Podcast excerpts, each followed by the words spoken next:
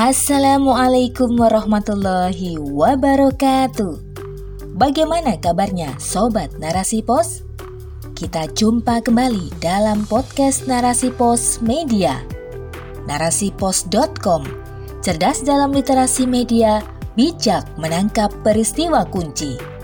Bersama saya Titis Umnas dalam rubrik opini Akibat iman krisis, orang tua mendadak sadis. Oleh Ita Mumtaz. Polisi mengamankan empat pelaku penganiayaan terhadap anak perempuan berusia enam tahun hingga pula matanya copot di Malino, Kecamatan Tinggi Moncong, Kabupaten Goa, Sulawesi Selatan. Mereka tega mencongkel mata korban lantaran diduga mempelajari ilmu hitam pesugihan untuk menjadikan korban sebagai tumbal. cnnindonesia.com 4 September 2021 Berita tentang orang tua mencongkel mata anak kandungnya yang berusia 6 tahun di Kabupaten Goa, Sulawesi Selatan membuat masyarakat geram. Mereka tega menganiaya darah dagingnya sendiri, sosok mungil yang seharusnya mendapatkan perlindungan dan kasih sayang dari orang tuanya. Astagfirullah, perbuatan sadis ini dilakukan demi mendapatkan kekayaan dengan jalan pesugihan, yaitu bagian dari ilmu hitam. Hanya orang tua tidak waras dan tak beriman yang nekat mengorbankan anaknya menjadi tumbal demi harta. Berita tentang orang tua mencongkel mata anak kandungnya yang berusia enam tahun di Kabupaten Goa, Sulawesi Selatan membuat masyarakat geram. Mereka tega menganiaya darah dagingnya sendiri, sosok mungil yang seharusnya mendapatkan perlindungan dan kasih sayang dari orang tuanya. Astagfirullah, perbuatan sadis itu dilakukan demi mendapatkan kekayaan dengan jalan pesugihan, yaitu bagian dari ilmu hitam. Hanya orang tua tidak waras dan tak beriman yang nekat mengorbankan anaknya menjadi tumbal demi harta. Di zaman modern ini, ritual pesugihan ternyata masih kerap dilakukan oleh sebagian masyarakat demi mendapatkan harta kekayaan secara instan. Perilaku maksiat ini pun masih lestari hingga saat ini, bahkan dilakukan secara turun-temurun padahal kebanyakan dari mereka adalah Muslim. Tampaknya orang-orang yang tidak mau menggunakan akalnya itu tak pedulikan lagi bahwa perbuatannya termasuk dosa besar. Bagi orang-orang yang kurang iman, maka apa pun akan dilakukan asal bisa kaya mendadak tanpa harus kerja keras. Sudahlah berbuat syirik, ditambah lagi menzalimi dan menganiaya sesama manusia, terlebih anak kandungnya. Maraknya praktik pesugihan di tengah umat. Kabarnya, banyak sekali praktik pesugihan yang masih marak di negeri muslim ini. Kelakuan tak logis dan penuh klinik itu dipercaya bisa mendatangkan kekayaan secara instan. Meski persyaratan yang harus dipenuhi syarat dengan hal-hal aneh berbalut kemaksiatan, namun ada sebagian masyarakat yang secara turun-temurun sudi melakukannya.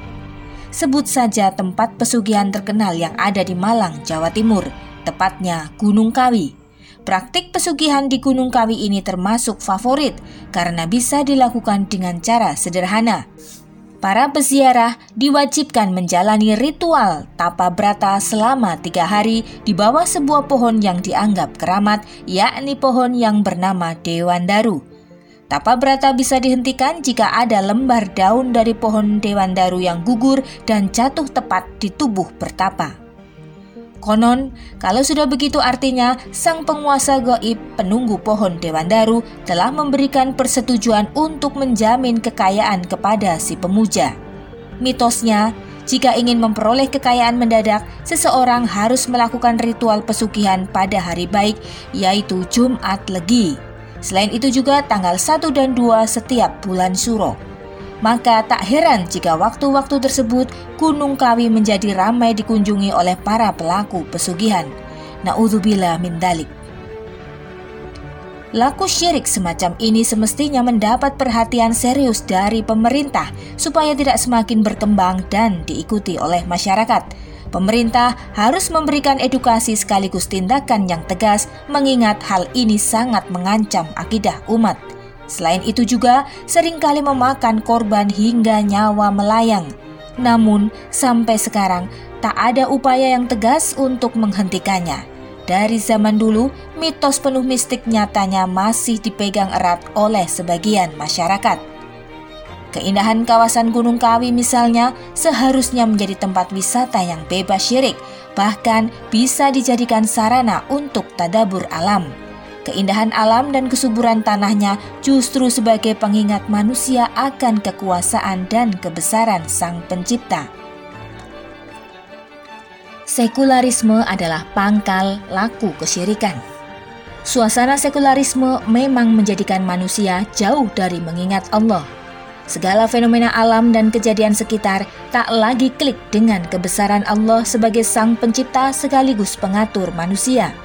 Mereka menganggap bisa berbuat suka-suka demi menuruti hawa nafsunya. Aturan dari Allah, yakni syariat Islam, tak dianggap penentu baik dan buruk. Halal dan haram ditabrak demi mendapatkan kesenangan semu yang diidamkan. Ridha Allah tidak lagi menjadi parameter kebahagiaan sejati. Wajar jika aturan Islam yang mulia ini banyak dipinggirkan dan hanya diambil yang sesuai dengan keinginan. Tidak masalah dengan aturan sholat, puasa, haji, dan ibadah ritual yang lain. Namun, alergi dengan penerapan syariat Islam lain secara kafah seperti ekonomi tanpa riba, pergaulan Islam yang sangat menjaga batasan laki-laki dan perempuan, pendidikan yang berbasis akidah Islam, hingga khilafah Islam sebagai sistem pemerintahan. Akibatnya, dalam diri umat masih tersisa perilaku syirik, termasuk melakukan pesugihan. Iman mereka rapuh dan mudah runtuh sebab tidak ada edukasi dan penjagaan terbaik dari negara. Justru negara lebih gencar memfasilitasi moderasi agama yang menjadi benih-benih kesyirikan. Jika umat ini tak lagi berpegang teguh pada akidah Islam, terbiasa longgar dengan penerapan syariatnya, maka pastilah mudah terjerumus ke lembah maksiat, bahkan kesyirikan yang nyata. Kesyirikan dan tanggung jawab negara. Syirik adalah menyekutukan Allah dengan menjadikan sesuatu sebagai objek pemujaan atau tempat menggantungkan harapan. Syirik termasuk dalam kategori kufur, karena perbuatan tersebut sama dengan mengingkari kebesaran dan kemahakuasaannya. Syirik merupakan muara dari berbagai kejahatan yang akan menimbulkan rusaknya pikiran dan tingkah laku. Syirik termasuk dosa besar yang tidak akan diampuni oleh Allah, kecuali seseorang itu bertobat dan kembali membaca syahadat. Allah Subhanahu wa Ta'ala berfirman, "Sesungguhnya Allah tidak akan mengampuni dosa syirik." Dan dia mengampuni dosa-dosa di bawah syirik bagi siapa yang dia kehendaki. Barang siapa berbuat syirik kepada Allah, maka sungguh dia telah berbuat dosa yang besar. Quran Surat An-Nisa ayat 48 Sistem kehidupan kapitalisme telah menyulap orang tua yang memiliki naluri kasih sayang menjadi beringas tanpa hati Pandangan bahwa harta adalah segalanya telah menjadikan mereka buta nurani lalu oleng dan binasa. Sebagai seorang muslim, apa pun kondisi yang mendera keluarga termasuk himpitan ekonomi hendaknya tidak membuat kalap dan putus asa. Menjadi tugas negara untuk menjaga dan melindungi umat dari berbagai tekanan yang bisa mengakibatkan terganggu kejiwaannya hingga hilang naluri kasih sayangnya. Benar sekali apa yang diingatkan oleh Rasulullah Shallallahu Alaihi Wasallam bahwa kefakiran bisa mengakibatkan kekufuran. Oleh karena itu, negaralah yang paling bertanggung jawab ketika ada yang tidak beres pada diri rakyatnya. Kemiskinan adalah masalah utama yang harus segera diselesaikan, bukan malah sibuk dengan berbagai hal yang tidak ada kontribusinya dengan kesejahteraan rakyat rakyat pun harus senantiasa mendapatkan pembinaan dan pencerahan tentang keimanan dan hakikat kehidupan. Akidah mereka harus dijaga dan dilindungi dari hal-hal yang bisa mengancam kemurniannya, agar tak mudah terseret ke lembah kesyirikan, termasuk praktik pesugihan. Wallahu a'lam bisawab.